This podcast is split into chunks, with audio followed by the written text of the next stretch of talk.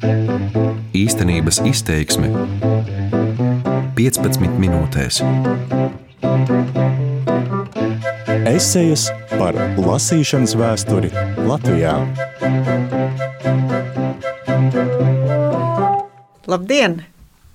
Šodien par lasīšanas vēsturi latviešu zemēs no reformācijas līdz Zviedru ienākšanai vidzemē 17.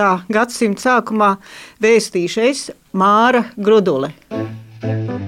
Vispirms par lasītājiem vispār, par bibliotekām un valodām.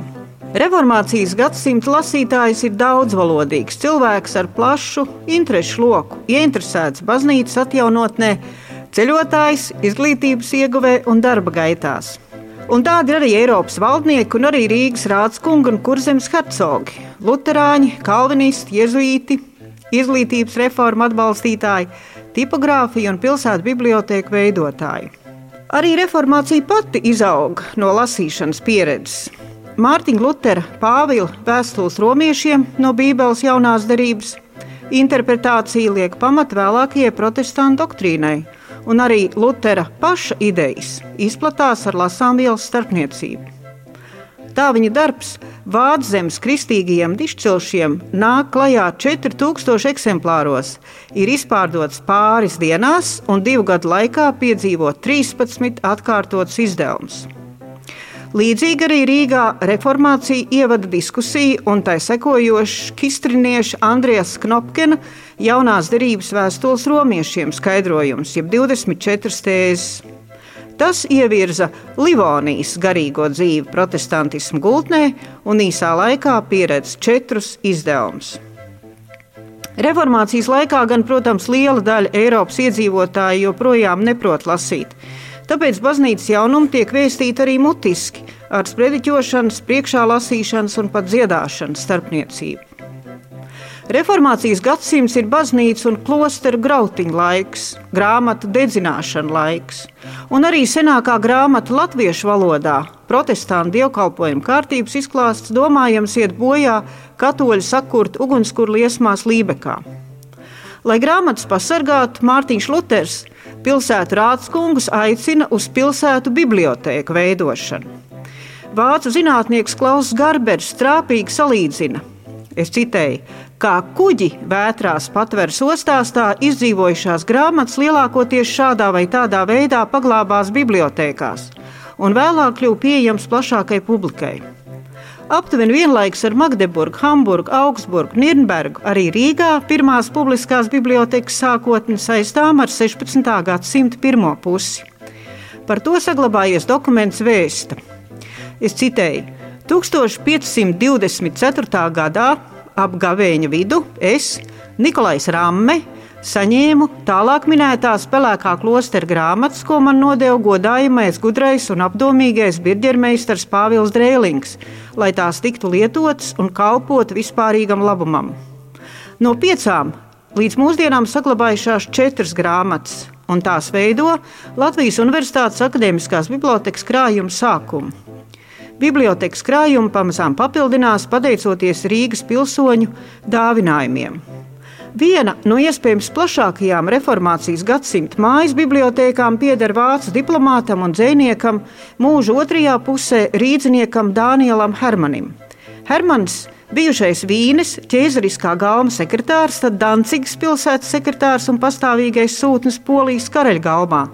1582. gada martā, īsi pirms Polijas karaļa Stefana Batorija vizītes, ierodas Rīgā un mīlestības dēļ paliek pilsētā uz pastāvīgu dzīvi.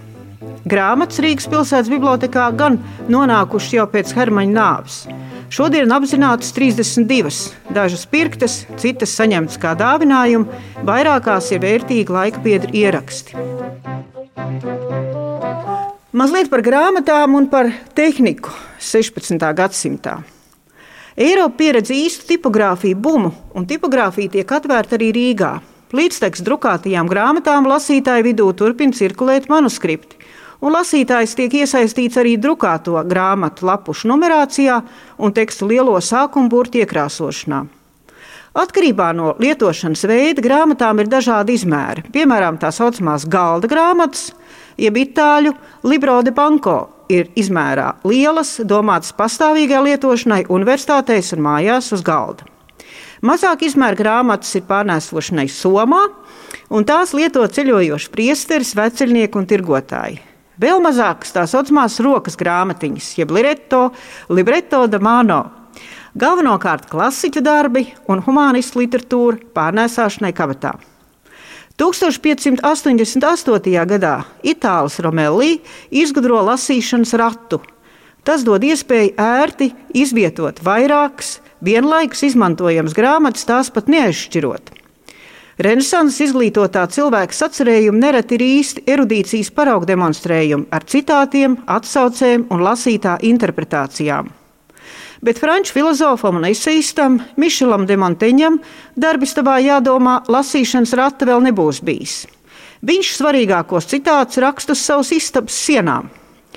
Lasīšanas rats būs noderējis rīzniekam Bazīlijam Plīnijam, dzēniekam un ārstam, kas jaunībā studiju laikā sacer apjomīgu slavas dziesmu latīņu valodai savai dzimtajai pilsētai Rīgai. Kārtības, taisnīguma un miera ostai. Poēma ir pārbagāta ar atsaucēm uz grieķu un romiešu mitoloģiju un literatūru un uz Bībeli. Tā atspoguļo arī plīnija teicamās zināšanas par pilsētas fortifikāciju un renesanses vēsturnieku tekstiem. Tā sākas, kā to laika pienākas, ar uzrunu Rīgai un atsauc uz klasisko kultūru, šai gadījumā Vergīliju. Ieskatam pats sākums Leona Brieža teicamā atzījumā no latīņu valodas. Kam gan es parādā esmu vislabākās šīs zemes balvas, dzimtene mana jau teica? Protams, vienīgi tev. Arī ja Vergīlijs ņemtos paust slavu tev divrindēs savās mute aiz izbrīntam pasprukt vaļā tūlīt, Grauzdams bez mitas sev nagus un jaukdams matus uz galvas vainot talantu, viņš tālāk ka izzudis tas. Bet nu paraudzīsimies, ko lasa un raksta sievietes Baltijā šajā laikā. Jo augstāks sociālais slānis, jo sieviete mēdz būt izglītotāka. Kā izpētījusi Vīsa Tikāna, Kurzems hercoga Gotthārds Ketlera sieva Meklenburgas Anna raksta vēstules un kārto saimniecisks darījums. Livonijas vasaļa un Ungarna atraitne Gudila sarakstās ar Prūsijas hercogu sievu Doroteju. Vēl pārsteidzošāks piemērs, iespējams, unikāls Baltijas kontekstā, ir sievietes iesaistīšanās sava vīra literārā mantojuma saglabāšanā. Rīcinieca Urzula Krēgere, jau iepriekš minētā humanista Daniela Hermaņa sieva, tā pati, kuras dēļ Hermans paliek uz dzīvi Rīgā, pēc vīra nāves pabeidz kārtot viņas, viņa manuskriptus un tos pati publicēja Rīgā trīs sējumos. Turklāt katram sējumam Urzula pat sacer īpašu ievadu. Starp citu, Daniels Hermans jaunībā kādā dzējolī tika raksturojis 21 sieviešu tipu. Tikai vienu no tiem izglītoto sievieti cildinoši. Citēji: Viņas attīstītā prāta sarunas valdzinās visas tavas maņas, raksta Hermans, un viņam acīm redzot, bija laimējies Rīgā, Ursulas Krēgeles personā tādu atrast. Visbeidzot, kā ar latviešu grāmatu lasītāju un galu galā latviešu lasītāju 16. gadsimtā. Domājams, iespēja darba latviešu valodā līdz reformācijai nav bijis. Varbūt kāda lūkšana un dziesmu teksti ir cirkulējuši rokrakstos. Grāmatu sākotnē latviešu valodā netieši stimulē Mārtiņš Luters, aicinot sludināt dievlūdzēju ikdienas saziņas valodā.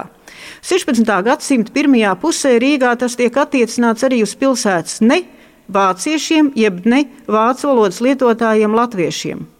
Un dievvvārdu sludināšana nosaka nepieciešamību pēc latviskiem tekstiem.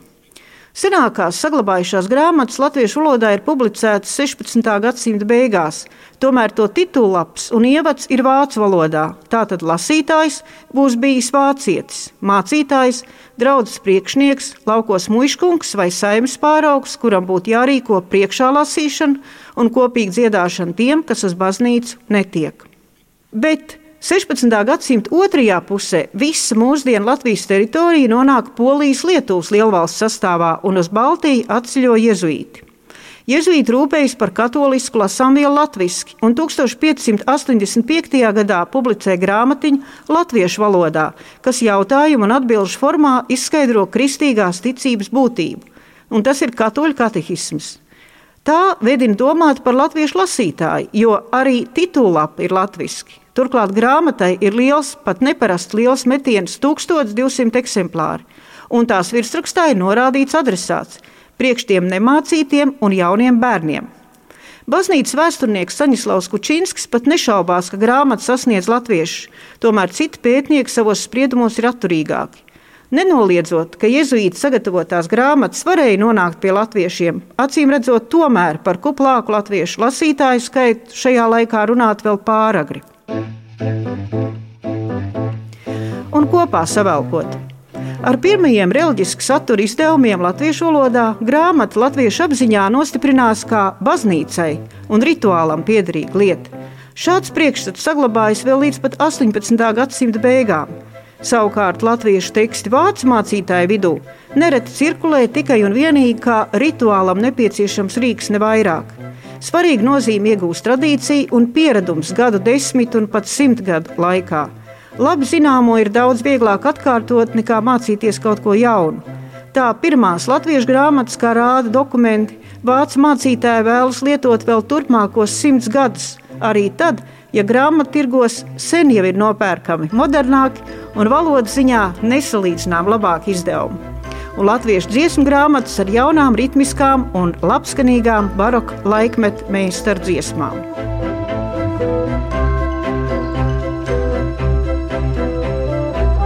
Tā ar lasīšanu Baltijā 16. gadsimtā un 17. gadsimta sākumā jūs iepazīstināja Māra Grudoli. Paldies! Īstenības izteiksme 15 minūtēs.